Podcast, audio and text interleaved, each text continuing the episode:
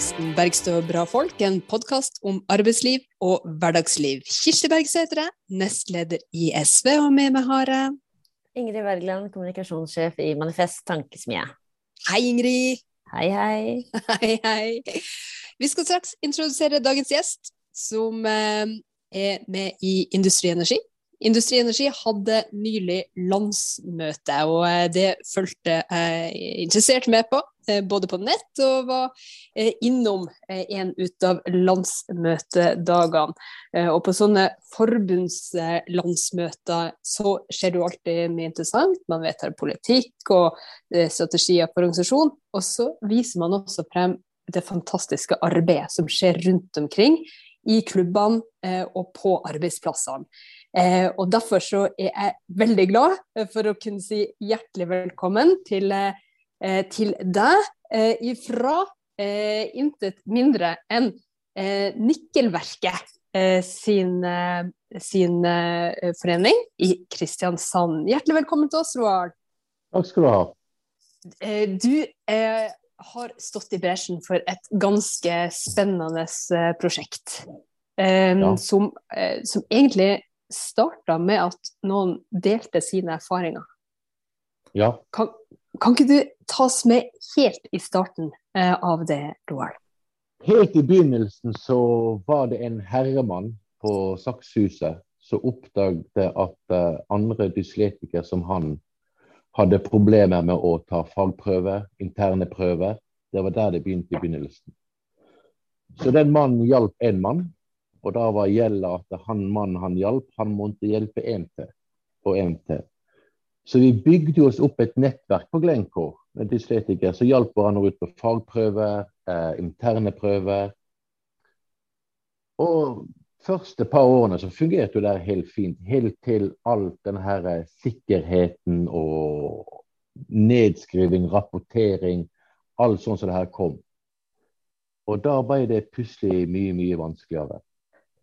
Ja, for hva er, som, hva er, det som, skjedde? Hva er det som, er det som forandret seg siden uh, uh, fra disse fagprøvene dere hadde først, til, til de økte uh, ja, akademiserte prøvene kom?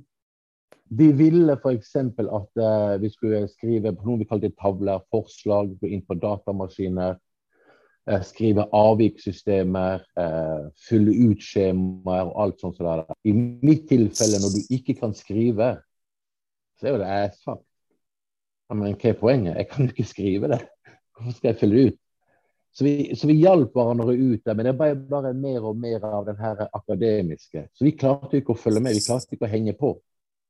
Men Roald, bare helt litt tilbake. fordi er det sånn at det var greit å være dyslektiker før, og så ja. var det omlegginger at man eh, begynte å skriftliggjøre mer og ha helt andre krav, eller hva var det egentlig som skjedde? Eh, det var ikke OK å være dyslektiker før, men det var enklere. For mm. fremdeles Hvis du har lyst til å ta utdanning, så, så er det et problem. Bare er veldig enkelt. Du må jo lese deg opp til det, alt sånt som det her, men, men vi, vi hjalp hverandre ut. Så kom jo akademikerne inn på fullt, som vi sier. Og da var det mer rapportering, mer skriving, mer lesing og alt det der. Og da begynte bare hverdagen for å være veldig bra der nede til å bli dårligere og verre og verre. For de forventet at vi skulle gjøre det. Og vi vil jo ikke si Eller i mitt, jeg har sagt for meg selv, jeg vil jo ikke si fra til at jeg kan ikke skrive. Det er jo tabu. Herregud. jeg mener jeg, mener, jeg var jo da 47-48, ikke faen om jeg skulle si det jævla jyplingen som kommer til å si at jeg skriver på tavla. Og det bygde jo seg opp da til en liten krangling. Eh, vi kalte det rett og slett en krig. Jo mer de kom, jo styggere var vi mot dem. Hvem er de? Var det ledelsen? Unnskyld. Alt. Men bare for å stoppe opp litt, uh, Roald. fordi at uh, det er jo ikke sikkert alle er helt klar over hva man gjør på et nikkelverk. Uh, men så, så, bare, kan du ikke bare beskrive litt hva, hva dere jobber med, sånn helt konkret, sånn at, sånn at uh, du også kan forklare hvorfor, hvorfor, det gikk greit å ikke være en, en skrivende, lesende person før? Vi produserer nikkel på nikkelverket, Glencore Nikkel. Og det er det vi gjør. Og da kommer det matte inn, det er forskjellige prosesser rundt omkring. Alt sånn som dette her. Det er, det er syre, det er strøm. Det er veldig, veldig masse faremomenter. Og de ville ha ned skadene og finne ut hvordan bedriften ville hvordan de kunne forbedre seg. For å si det enklere på den måten. Forbedre seg. Mm. Og da kom de i klammeriet med den verden jeg hadde. For jeg kunne kjøre maskinen, jeg kunne gjøre alt det der. Men jeg kunne ikke fylle ut et TSF-skjema.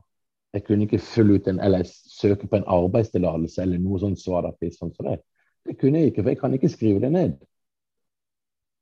Så for å si at jeg ikke kan skrive det, så begynte jeg å angripe det. Hvis du forstår hva jeg mener. Mm. Hvilke fagbrev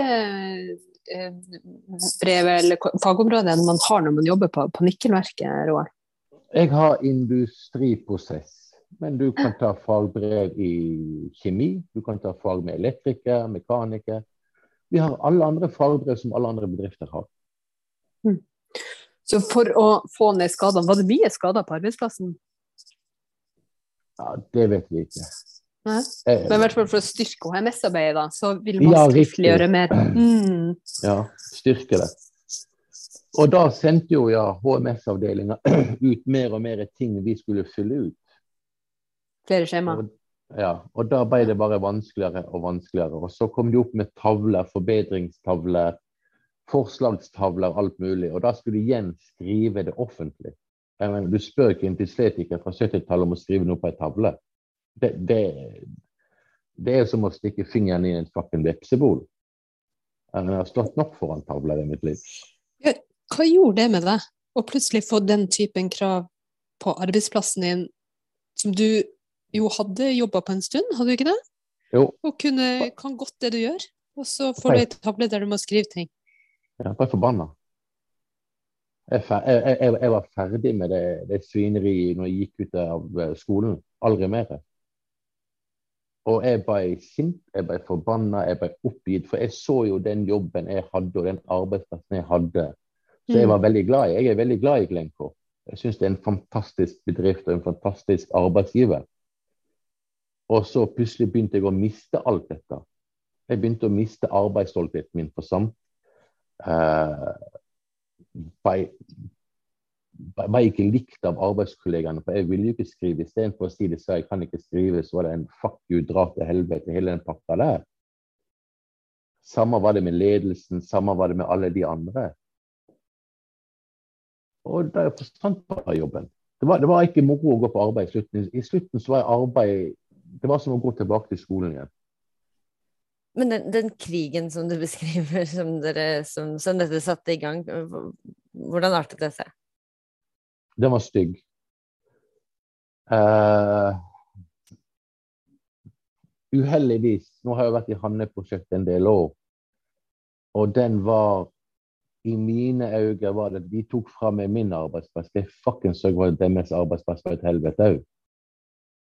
Og jeg, for eksempel, jeg kan huske ett tilfelle. det var, Vi hadde ikke hjelmpåbud før der nede. Så begynte vi å få hjelmpåbud. Og da var det en, en av de sjefene som sa ta på deg hjelmen. Snu rundt seg bare dra til helvete. Det var bare for å, å angripe, for å dytte de vekk. Det, det er bedre de ikke liker meg, enn å finne ut hva jeg sliter med. Så du var fullstendig forsvarsposisjon, eller egentlig angrepsposisjon, hver dag på jobb? Totalt. Totalt. Arbeid var ikke kjekt. Vi, vi, vi gravde skyttergraver, som vi sa det. det. Ikke faen om de fikk lov til å rikke oss. Ikke, ikke, ikke søren. Og det Det var jo ikke kjekt. Det var ikke hyggelig. Det var det ikke.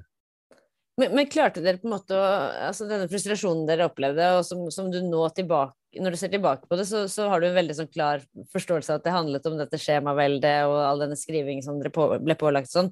Men klarte dere i situasjonen der å forstå uh, hva som frustrerte dere? Var, dere liksom, var det veldig sånn eh, eksplisitt uh, dere imellom, dere, du og de kollegaene du hadde som, som også strevde med skriving, at, uh, at, det var dette som frustrerte dere, eller var det mer sånn nå kommer de og sier hvordan vi skal gjøre jobben vår, det er irriterende, eller ja, hvis du skjønner hva jeg mener?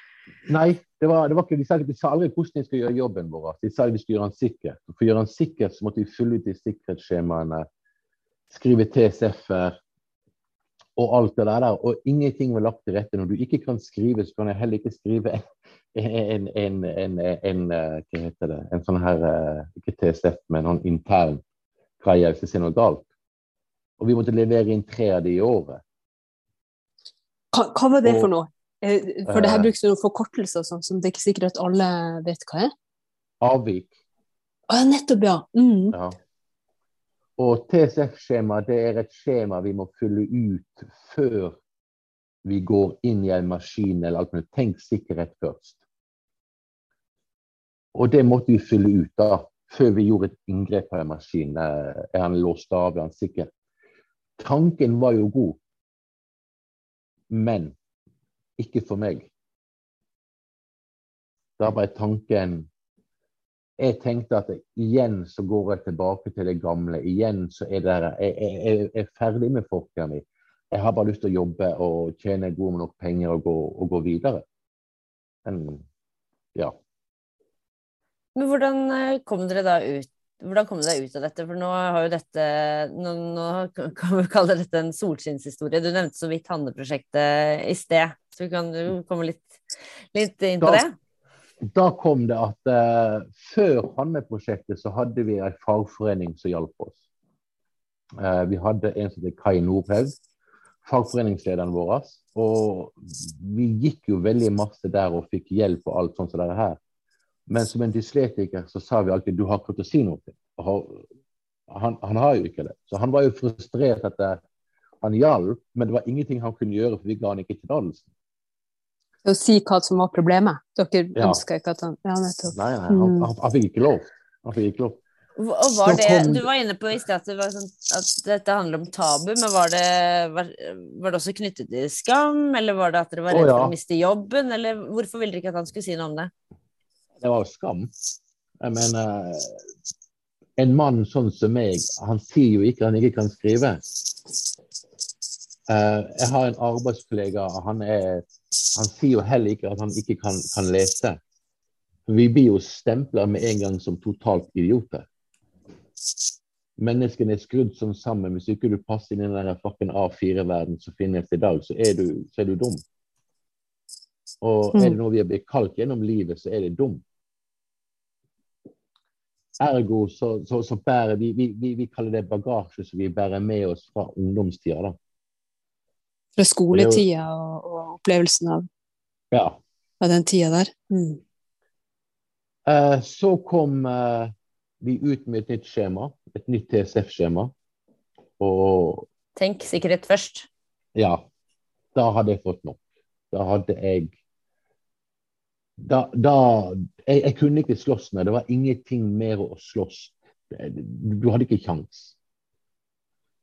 Så da skulle HMS-direktøren vår komme på et morgenmøte hos våre. Og da bestemte jeg at nå skal jeg ta han. Jeg kommer til å få sparken, men jeg, men, men jeg, jeg, jeg skal ta han så jævlig at uh, det aldri er blitt gjort før. Jeg gikk hjem på, Jeg, jeg rydda skapet mitt, trodde jeg, før jeg gikk hjem den dagen. Jeg kom hjem, satt med middagsbordet. Eh, det var ingenting mer der. Kona så det. Og la ut frustrasjonen, da. At nå, nå, nå klarer jeg ikke mer å slåss med det. det jeg gidder ikke med det. Og da sa jo dattera mi, da Hun sa jo da hvis ikke han vet, så kan ikke han gjøre noe. Mm. Og av og til så sitter du og tenker vel Helvete! Hvorfor, hvorfor, hvorfor, skulle hun si det? Jeg mener, det er helt riktig. Men jeg hadde jo lyst til å ødelegge denne personen. Mm. Og det satt med meg lenge den kvelden. Jeg tenkte og grubla Hvis ikke han vet, hvordan da kan han gjøre noe? Og Jeg husker jeg gikk dagen etterpå ned. Jeg hadde ikke musikk på ørene, for jeg var så frustrert. Og gikk ned der og så kom morgenmøtet, og han la fram det her. Og da sa jeg til han, men hvorfor har ikke dere inkludert meg? Og da kikket han bort på meg og sa han, jo. Så sa jeg til han, men jeg kan ikke skrive. Jeg er dysletiker. Og da stoppa han helt opp, og da kikka han. Og da sa han den viktigste setningen som han noen gang har sagt. og sa dette skal vi fikse. Ikke Mm. 'dette skal bedriften fikse', eller 'dette skal ledelsen fikse'. Sa 'dette skal vi fikse'. Og den herremannen der heter Harald Eik. Og han er blitt en fantastisk god venn. En fantastisk arbeidskollega. Og da begynte ballen å rulle. Da, da fikk jeg den Snakka vi med Kai, jeg var jo drittnervøs. Jeg eh, jeg er jo vant med at eh, folk ikke liker det jeg gjør. Og plutselig så er det blitt akseptabelt, og det er jo veldig skremmende. Så da var det å springe ned til Kais kontor, trippe på to bein, er jeg dritt på draget. Og da kom jo fagforeninga og Kai inn som helt perfekt. Helt konge. Helt konge. Eh, da sa Kai at eh, vi tar en tur til Danmark. Fagforeningen er tillitsmannskonferanse med Danmark. Og da må du stå fram, for vi er nødt til å bli kvitt skammen og tabuen. Så da tenker du at det, du har jo tabuen. For du tør ikke å spørre meg om jeg skrive det. Og jeg har jo skammen. Og det måtte brytes vekk. Det, det, det var det vi måtte gjøre. Og turen ned til Danmark gikk jo fint. Det var noen par Jack Daniels for masse på veien båten ned, så jeg var jo pissnervøs. Og reiste til Danmark og kom inn, og vi fikk da eh, taletid. Og la fram det problemet vi hadde på bedriften. Og jeg husker Kai og satt borte der og bare egga meg på da, det her går så bra og alt mulig. Og det var da jeg oppdaget hvor fantastisk en fagforening er, og hvor herlig et tillitsmannsapparat er. For de forsto med en gang skammen og tabuen, og de tørte å stille de vanskelige spørsmålene. De tørte å spørre spørsmål som ikke var behagelig å høre. Men de begynte å forstå òg hvorfor Nå snakker jeg bare for meg selv. Hvorfor jeg var den personen jeg var. Og det var jo bare helt, helt herlig. Og så kom Harald Eikin og en som heter Arild Magnussen. Og det er meg og Arild som er dyslektikerne, og Harald og Kai som er akademikerne. Og da kom vi fram til at vi og Arild måtte gå rundt på hver avdeling på Glencore og spre det her budskapet. Og Arild var jo Igjen, jeg var jo den litt nervøse, for det her er litt nytt. Og Arild var jo en klippe i denne arbeidet her. Og han la fram, hjalp til og alt sånt som det er her. Og Arild og meg gikk da fram til alle sammen. Og Arild guida meg og holdt meg der jeg skulle holde meg, for jeg har en til dels som mistet temperament av og til. Men hva var budskapet dere skulle gå rundt og dele da? Bare, bare fortelle det. Fortell om dysleksi, hvordan arbeidslivet vårt er blitt. Og hvordan hverdagen vår er blitt, og hvordan livet vårt er blitt her nede. Og den responsen vi fikk da fra våre arbeidskollegaer, er jo igjen dessverre det folk ser altfor lite. Hvordan en arbeider bryr seg om en annen arbeidskollega. Responsen vi fikk var at dette svineriet her skal vi faen ikke ha på vår bedrift. Dette her er jo bare svadapiss. Hvorfor i helvete har vi det problemet i 2020 ennå? Ja, sa vi. Men det er jo bare forbanna tull. Nei, vi vil ikke ha det på Glencore. Og da begynte ting å løsne opp og bli bedre og enklere. Nå f.eks. Når, når vi har et avvik, så, så kan gjerne en arbeidskollega komme bort. Eller Arild er jo den som skriver våre. Da sier han men Roald, jeg skal skrive det for deg. jeg. Det er ingen problem med det. Det er blitt sånn. Det, det, det, det, det var temmelig enkelt. At man rett og slett Og- hjelper hverandre? Det, det, er ikke mer, det var ikke mer komplisert enn det? Nei. Men så begynte vi å Så var jo Hanne-prosjektet så født, da. Ja, det må du fortelle hva er for noe. Hanne-prosjektet er at vi skal gjøre arbeidshverdagen for en dyslektiker på Glencore Nikkveld til Kristiansand mye bedre. Vi skal Et ta- lokalt prosjekt som bare dere driver? Nei, vi er Kai og Harald sa at dette er noe vi ønsker å dele med hele Norge. Mm. Alle, alle, alle skal få lov. Alle, alle skal få lov. Og når vi da begynte å stikke fingrene i det her, det var jo da vi oppdaga så stygt AS Norge er blitt. Mm. For hvis du er dysletiker i dag, og du skal ta fagprøven din, så går du på skole. Samfell. Der får du tre svære permer. Ja, hvis ikke du kan lese, så kan du faen ikke lese de svære permene. Men sier du da klarer å hakke deg gjennom det her fra det her eh, førskolen, da, så har du da en eksamen. Du er heldig. Klapp på skuldra, du er heldig. Og så blir du hevet på eksamen i et svært klasserom med 60 andre stykker. I mitt tilfelle, jeg kan ikke skrive. Og den dag i dag så klør jeg meg på nøtta og lurer på hvorfor i helvete jeg klarte å gå gjennom den eksamen i byen, den skriftlige delen. For, jeg kan ikke skrive. Men jeg klarte det.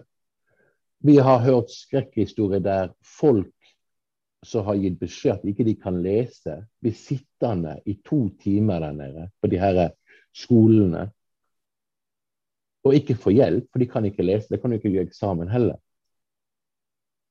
Uh, der igjen, se om dere finner ei bok for industrien som er dyslektikervennlig. Trøkkurs, krankurs. Det finnes ingenting. Svadapiss. Ingenting finnes det.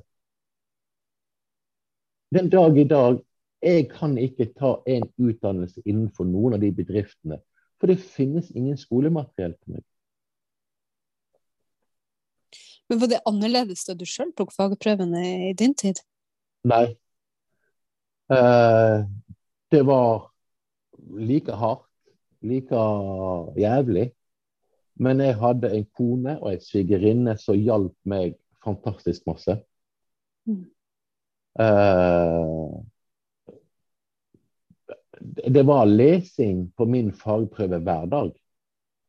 Hver dag så, så, så satt jeg med jeg, jeg kan lese, jeg kan ikke skrive. Så jeg memorerte mesteparten av det jeg trodde jeg skulle være. Uh, kom inn i byen, og jeg skal ha den skriftlige prøven min der inne. og jeg, Ennå så lurte jeg i himmelen. Jeg, sånn så jeg vet ikke hvordan jeg passerte den. For, for, du kan ikke lese det jeg skriver. Men jeg klarte det. Så hadde jeg da tre dagers fagprøve på Klenko. og Da må jeg levere inn en skriftlig del. Det gikk jo på sett og vis. Men jeg kunne jo jobben min. Mm. Heldigvis så hadde jeg sensor som forsto at jeg kan jobben min. Og da igjen så sa Harald og Kai at eh, vi må begynne å nøste fra én ball, én side. Og for en gangs skyld så må jeg si at politikerne har gjort jobben sin. For det står i vedtekter rundt omkring og alt mulig. Vi har rett på en til å lese opp for våre. Vi har rett på en som skal skrive på våre. Vi har rett på en muntlig fagbrev.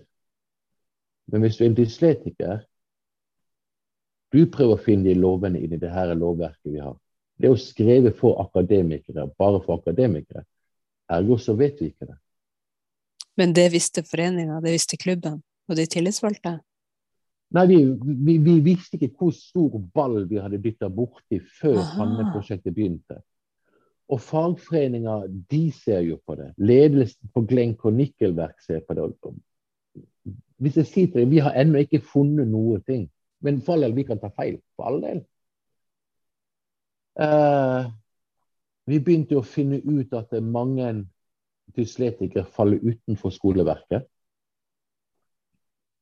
Og det er jo mine framtidige arbeidskollegaer. Hvor forsvinner de henne? Vi spurte jo hva som skjedde med vår generasjon. Og Dysleksiforbundet Norge kom inn på banen. En fantastisk organisasjon har hjulpet oss veldig masse på vei.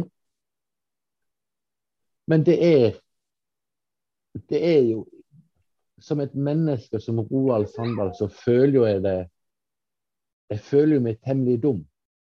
At uh, det er ingenting for meg. Som en industriarbeider i dag, så er det ingenting for meg.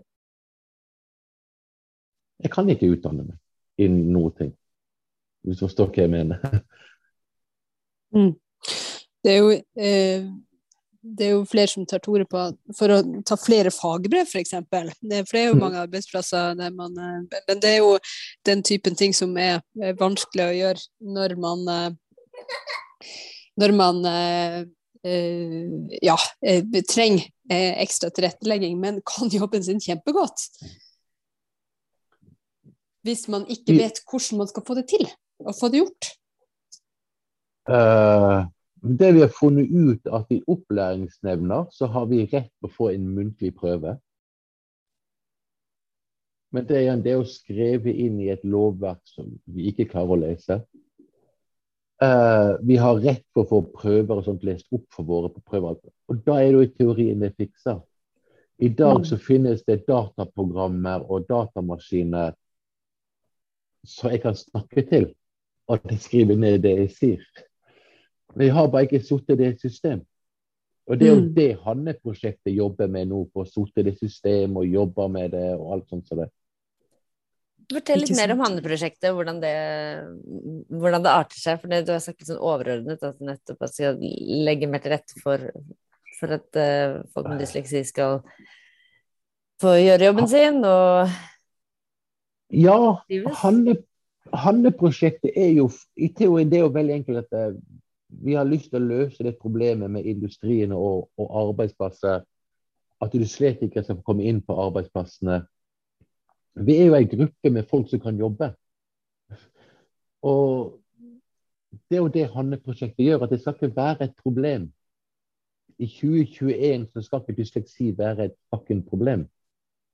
Og det er jo det som er så genialt med Glenk og Nikkelverk, at de har oppdaga det. Jotun har oppdaga det, rotator har oppdaga det. Alle oppdager det. Og det er jo bare å dytte det her videre. Og da Hanne-prosjektet begynte, så var jo meg og Arild rundt omkring. Og det Arild sa, han sa at når vi går gjennom disse dørene nå, Roald, så tar vi av hengslene, for ingen skal ta denne feiten en gang til. Og vi går gjennom de dørene, og vi tar ikke av de hengslene, vi sparker ned dørene, for det er ingen som skal ta denne feiten vi fire og Glenn og Nikkelberg tar nå. Det, det, I 2021 er det en skam at vi tar den feiten nå. Mm. Og det vi oppdager med Hanne-prosjektet, det er jo veldig masse utenfra òg. At folk kommer opp til går og handler, så kommer folk opp til og spør er det jobb for sønnen min eller dattera mi der nede. Er det kjangs å komme inn? Er det kjangs til det? En enkel ting som vi på Glenk og Nikkelberg har gjort, vi har jo fjerna jobbsøknaden at du, du, må ha, Det står skrev, det som skrevet før, sto det skrevet at du må ha sterk lese- og skrivekunnskap. I sommer så tok vi det vekk. Mm. Uh, jeg hadde en pappa kommende til meg, og han sa at sønnen min har gått ned og søkt på jobb her nede, sommerjobb. Og han hadde vært ærlig og sa han fikk han hadde dysleksi. Og de hadde sagt til ham men det er ingen problem her. Og han hadde fått sommerjobb. Han trivdes? Han stortrives. Han hadde ja. gått inn uh, Han hadde skrevet på tavler, alt mulig. Ingen problem. Samme så oppdaget vi Vi fant ut at uh, vi er en stor bedrift. Vi har stort hjerterom på Glencore. Og da gikk fagforeninger på MESK-greiene. Kai og Harald og Roald og Arild. Vi gikk ut i gråsona og spurte skoler om vi kan få en elev som ikke kommer til å klare skolen, som vil ikke mer. Som kan eh, komme ned til våre.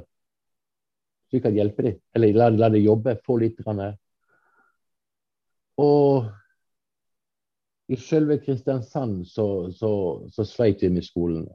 Vi ble ledd av og fniste av. Men vi fikk Vennesla videregående skole med oss. Den lille videregående skole på Vennesla de fikk. Og vi fikk to fantastiske elever derifra ned. Uh, de er sånn som vi kaller 'unnskyld meg at jeg er født'. De uh, har ikke noe selvtillit, var veldig spake og alt mulig sånn som dette her. Og de ble behandlet som arbeidskollegaer ble klappa på skuldrene, ble lært trikker. I slutten så kjørte de maskinene alt sammen alene.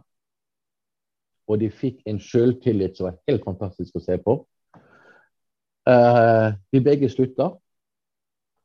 Uh, de begge, han ene han bestemte seg for han å ta et år til, til på skolen. Hvis han klarer å kjøre en maskin på Glencore, så kan han jugge med et år. Han skal utdanne seg til å bli en bilmekaniker. Og han andre tror jeg skal gjøre akkurat det samme. Og det, det de sier, er at hvis vi kan kjøre en maskin på Glencore, så kan jeg ljuge med bite i det sure eplet og gå på skolen. For det er, det er en mening med det etterpå. Det blir jo en annen mening når man har kommet inn i et fellesskap som tror på det. Riktig. Helt riktig. Og det er Jeg ser disse ungdommene vi treffer av og til, og alt sånt som dette her. Og det gjør vondt i sjela at i, i, Norge i dag så vil de ha store problemer for arbeid. For de ikke kan lese og skrive. Men det her er veldig som har begynt her. Jeg har ikke hjerte å si det til deg. Mm. Du som er politiker, det, det, det faller jo på ditt bord. Men men igjen, da, for å få det til å lykkes på arbeidsplassen A. Du må ha en sterk fagforening. Du må ha en sterk fagforeningsleder. En som tør å gå ut på det her eh, ikke komfortsona. Som tør å ta sjanser. Og det fikk vi for fagforening og vår fagforeningsleder. Ja, men dette skal vi gjøre noe med. Du må ha en god ledelse i bedriften. Eh, vi hadde jo Harald Eik, og han òg var med på samme turen. Han òg sa ja, la oss gå inn i den gråsona her. La oss gå imot vinden av, som, som er normen. Han sa jo 'jeg ser jo gode arbeidere her'. Og Kai sa 'jeg ser jo gode arbeidere'. I dag så blir disse stengt ute. Fordi de ikke kan den enkle tingen som å skrive eller lese. Det er jo en skam. Total skam. Roar, det er jo utrolig sterkt å høre hvordan det at man har et organisert fellesskap på jobben, gjør at man kan finne praktiske løsninger så alle kan, um, kan uh, være med, um, så lenge det er tilrettelagt om man har dysleksi f.eks. Men uh, har, du, har, du, tenkt på hvordan det hadde vært hvis det ikke var sånn? Tenk hvis at du satt og var kjempesint foran det her morgenmøtet der du virkelig skulle gi inn eh, ledelsen for de her ubrukelige nye skjemaene som ble tredd over hodet ditt, og det ja. ikke fantes et fellesskap som eh, kunne gripe fatt i det som er egentlig utfordringer for at dyktige fagarbeidere skal kunne gjøre jobben sin? Nei, det hadde vært utenkelig. Det hadde, mm. Hvis ikke vi hadde hatt en sterk fagforening Nei, jeg kan ikke engang tenke det. Da kunne du fort blitt han sinte som mista jobben. Uten tvil. Mm. Uten tvil hadde han mista jobben. Jeg tenker jo på de her småbedriftene i Norge som ikke har en fagforening. Og det vil jo komme til de òg. Denne kampen vi har hatt nede på Glencore, den vil jo komme der òg. Og du vil få folk sånn som meg som reiser seg opp og sier faen, gidder ikke mer. Mm mitt råd til han eh, Han er jo buttfucked. Han har ikke en fagforening i ryggen. Han har jo ikke det. Du nevnte en del andre bedrifter som har blitt inspirert av eh, det dere har satt i gang på, på din jobb.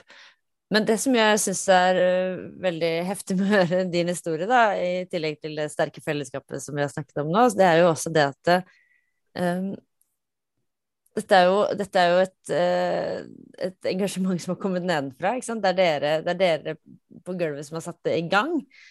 Ja. Eh, hvordan tenker du at det da kan overføres til andre bedrifter? Fordi eh, det er jo, altså, dette er jo veldig forankret. Ikke sant? Det er jo dere som har startet det, og, og så har dere, som du beskrev, så fikk du med dere eh, HMS-leder og sånn veldig fort, men likevel så, så, er det jo liksom Det er jo dere som kjente dette på kroppen, eh, som, som, tok initiativ til å måte, fikse problemene, da. Ja. Hvordan det, kom, det kommer. Det kommer, for vi har allerede starta ballen. For når pappa og mamma i min alder når Vi har vært i et sjøslag før. Men når vi ser at ungene våre at vi behandler det samme, at de kommer ikke inn i arbeidslivet, hvor lenge tror du de mamma og pappa i Norge kommer til å sitte rolig da? Tror du de kommer til å bli forbanna? Tror du de kom til å gå til fagforeningen og si unnskyld meg, ja, vi også skal være med på Hanne-prosjektet. Og tror du fagforeningen kom til å si nei? De kom til å si ja, men la oss finne ut, så klart skal vi være med på dette. Jeg tror jo Det er vanskelig. Det er vanskelig, for, for du må sprenge det. Dette må komme fra gulvet opp. Det må, det må komme fra gulvet opp. Det må komme via fagforening og alt det der. Det, må, det er et fellesskap som må, som, som må til. LO har jo kommet på banen, industri og energi har jo kommet på banen. Det kommer. Det kommer. Men vi er, vi er bare fire stykker i en bedrift. Og begynte, det begynte med én mann. Og nå er vi 550 som er. Og så har du Jotun som kommer ned, og Rotator kommer med. Og Evje som kommer med. Det kommer. For det er, som jeg sier igjen, det er jo en skam at i 2022 eller 2021 vi er i, at vi må ta denne kampen nå. Det er jo, det er jo, det er jo helt blåst. Men det gjør jo at eh, de som kanskje er redd for at det ikke finnes et arbeidsliv som, som eh, de kan passe inn i, likevel kan tro på seg sjøl, og at man kan eh, gjøre en god jobb eh, når man vet at, eh, at arbeidsplassen legger til rette for det. Ja. Uh, og Derfor er det jo fantastisk at uh, det her har kommet, for det må jo koste helt enormt mye. Både det å begynne å spørre for de andre, og det å begynne å åpne seg for, uh, for dere det gjaldt. Det har kosta veldig masse. Meg og kompanjongen min Arild, det har jeg, Og dette kan ikke dere klippe ut, men Arild og meg vi har jo vi har jo tatt vare på hverandre. Å holde disse foredragene for disse menneskene, ja, det har kosta. Mm. For hver gang vi snakker om dysleksi, hver gang vi står foran folka her, så bretter vi ut sjela. Vi river opp i gamle sår som skulle vært legra for mange år siden. Og vi tenkte med oss sjøl at vet du hva, ja, la oss ta denne fighten. Og så slipper andre å gjøre det. Og jeg har sett på Arild når han har snakka om det her. Han har vært søppvåt på ryggen. Eh, når jeg snakker om det, jeg blir bare veldig rart. Og da, da, går jeg ut etter jeg snakker og tar en røyk, og da kommer alltid Arild bort og klapper meg på skuldra og sier det går bra. Og det, det er bare en dysletiker som kan gjøre det. Det er bare det. Men, men om det har kosta, ja. Og kommer det til å koste mer? Ja. Men er meg og Arild villige til å sørge for det? Ja. For vi har ingenting å tape. Og det er noen som må fronte dette her. Og der igjen òg, vi har jo to andre. Det er jo Kai og Harald. Og jeg tror det har kosta for de òg. Jeg tror det har kosta for de òg. jeg tror ikke de de er Jeg hater jo akademikere, og de to akademikerne der elsker jeg. Ja, i, Mener du at det er med akademikere, da, Roald? Akademikere er Den er ikke stygt ment. Akademikere er, du? Ja. er, er, alle de som lager opp disse reglene og lovene og skriver alt det her, her uten å tenke. Uten å tenke at det, det er ikke alle som klarer å få med seg dette her. Så når du sier akademikere, så tenker du på sånn skriftfolk eh, som vil at alle skal skrive ting? Ja, nettopp, jeg skjønner. Ja, mm. det er riktig. Ja. Det ordet hadde jeg ikke tenkt på før. Skriftfolk. Skriftfolk. Vi kaller dem det. Ja. Skriftfolk. Skrift, skriftfolk. Og, skriftfolk som får andre til å føle at de må skrifte. Mm. Ja. Og alt sånt der her. Og, men det er jo min jobb å fortelle dem. Det er nettopp. min jobb og Arild sin jobb å fortelle disse folkene her Unnskyld meg, du kan skrive det i dysletikervennlig skrift. Og det vi har oppdaga når vi forteller disse folkene om problemene vi har, vi har Til dags dato har vi aldri fått en negativ kommentar. Vi har fått Ja, men det har ikke vi tenkt på. Ja, men det kan vi gjøre. Mm. Uh, vi snakka f.eks. For, for en god stund siden med et parti i Kristiansand. Og de var veldig interessert i Hanne-prosjektet, og vi vil snakke for dem. Partiet Rødt. Og inn gikk vi der, da. Og kjatla. Og da oppdager vi det var en som rakk opp hånda, så sier han ja. Så sier han er det noen dyslektikere her inne. Og da sa jeg ung jente ja, jeg er dyslektiker. Så spurte han henne men når vi sender ut disse brevene og greiene til deg, leser ikke du det? sa hun. Nei, jeg kan ikke lese. Jeg skriver ned datoen, og så hiver jeg det. Så kikker han over, så han, spør han Arild hvordan kan vi forbedre oss. Så sier Arild du skriver bare dyslektikervennlig skrift. Der og da gikk han inn på den lille datamaskinen, skrudde om og fant, så fant han i skrift. Og de skriver det nå. Nå er hun 100 inkludert. Mm. Så vi møter ikke motstand, vi møter forståelse av en ting som er uviten for dem. Og det er jo det som er meg og Arild og Kai og Harald og fagforeninger og Glenk og Nikkelverk. Det er jo det vi har gjort. Det er jo den døra vi har brutt ned. Og den må aldri få lukke seg igjen. Roald, jeg er utrolig glad for eh, hvordan dere har eh, drevet frem dette prosjektet. De eh, kostnadene dere har tatt, og også at dere så villig forteller vekk, sånn at andre kan ta deres erfaringer til seg og skape sine egne.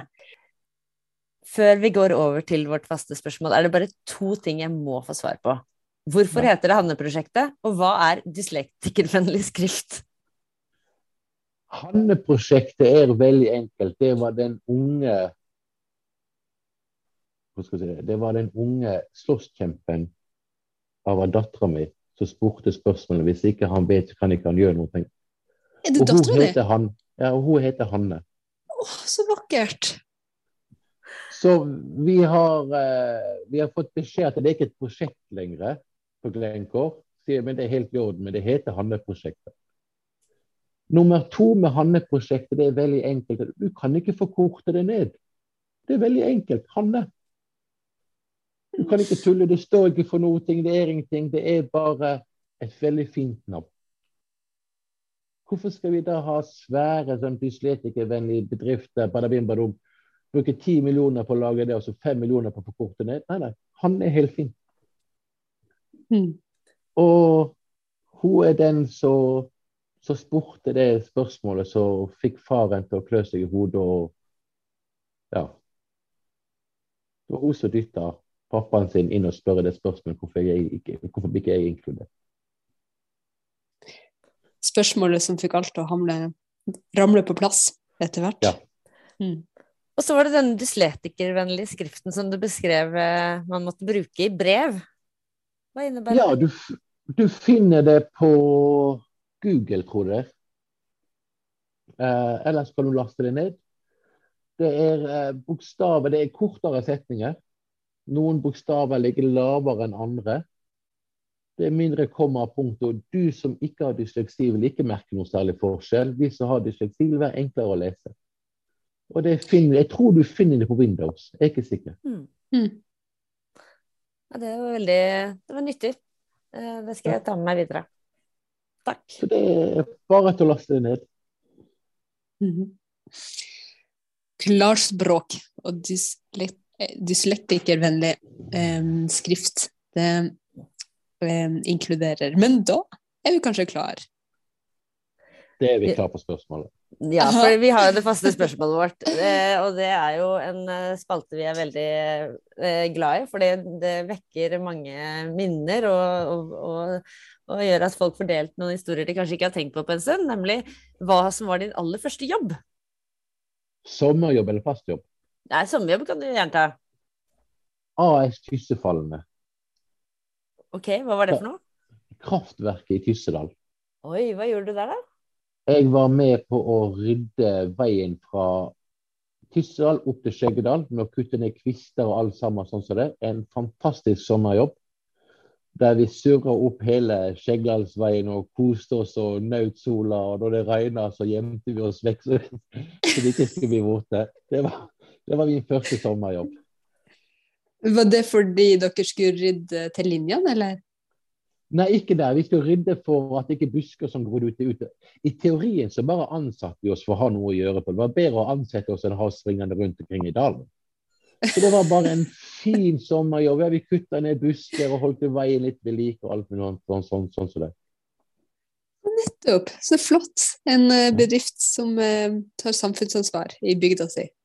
Det er riktig. Mm. det liker vi.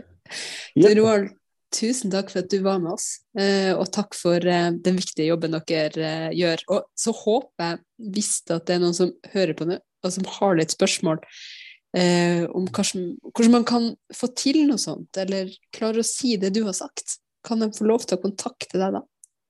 Vi kan de kontakte. Mm. Bedrifter og sånt, så har vi en fantastisk organisasjon i Norge som heter Dysletikerforbundet. Det er i Oslo. Eh, vi samarbeider sterkt med dem og jobber sammen med dem. Vi går lik vei for å finne en løsning på dette. Dere kan kontakte de òg. Eller så kan de kontakte oss på, på Glencore. Og vi, da vil vi guide de riktig vei. Dette er Det- veldig fint å, å høre om, og jeg må jo også bare slenge inn en liten tanke jeg fikk da, jeg, da jeg, vi bestemte oss for å, å ta med, med deg fra Nikkelverket i Kristiansand som gjest. Fordi eh, på fransk så har man et uttrykk som heter snickel, og det betyr eh, det er strøkent, til det er perfekt. Og det, eh, Er det sant? ja, og det er jo et eh, litt sånn slanguttrykk, da. Så nå har lært litt fransk slang, hvis ikke dere kunne det fra før. Eh, så jeg, jeg måtte rett og slett gå til, til ordboka og finne ut hvor det kommer fra. Og det kommer jo Altså, det er, det er jo litt for enkelt, det er ikke noe mystisk etymologi her. Det er rett og slett fra metallet nikkel, fordi det er så skinnende og fint. Så da blir det liksom Det er strøkent, det er nydelig. Så, så, men det syns jeg også er en grei oppsummering av, av denne, denne veldig sterke og, og viktige historien du har delt. Sinikkel. Ja. Ja, der lærte vi noe nytt begge to, tror jeg, Roald. Gjorde vi ikke det? Det gjorde vi, det gjorde vi. Jeg kan ta det med ned på Glencore. Ja, det må du. Del det i Til verdens beste bedrift. Ja, det skal jeg gjøre. Takk for laget, og takk til deg som hørte på. Eh, Fortsett med det. Lik, del, abonner, så blir lytterne flere. Ha en deilig dag.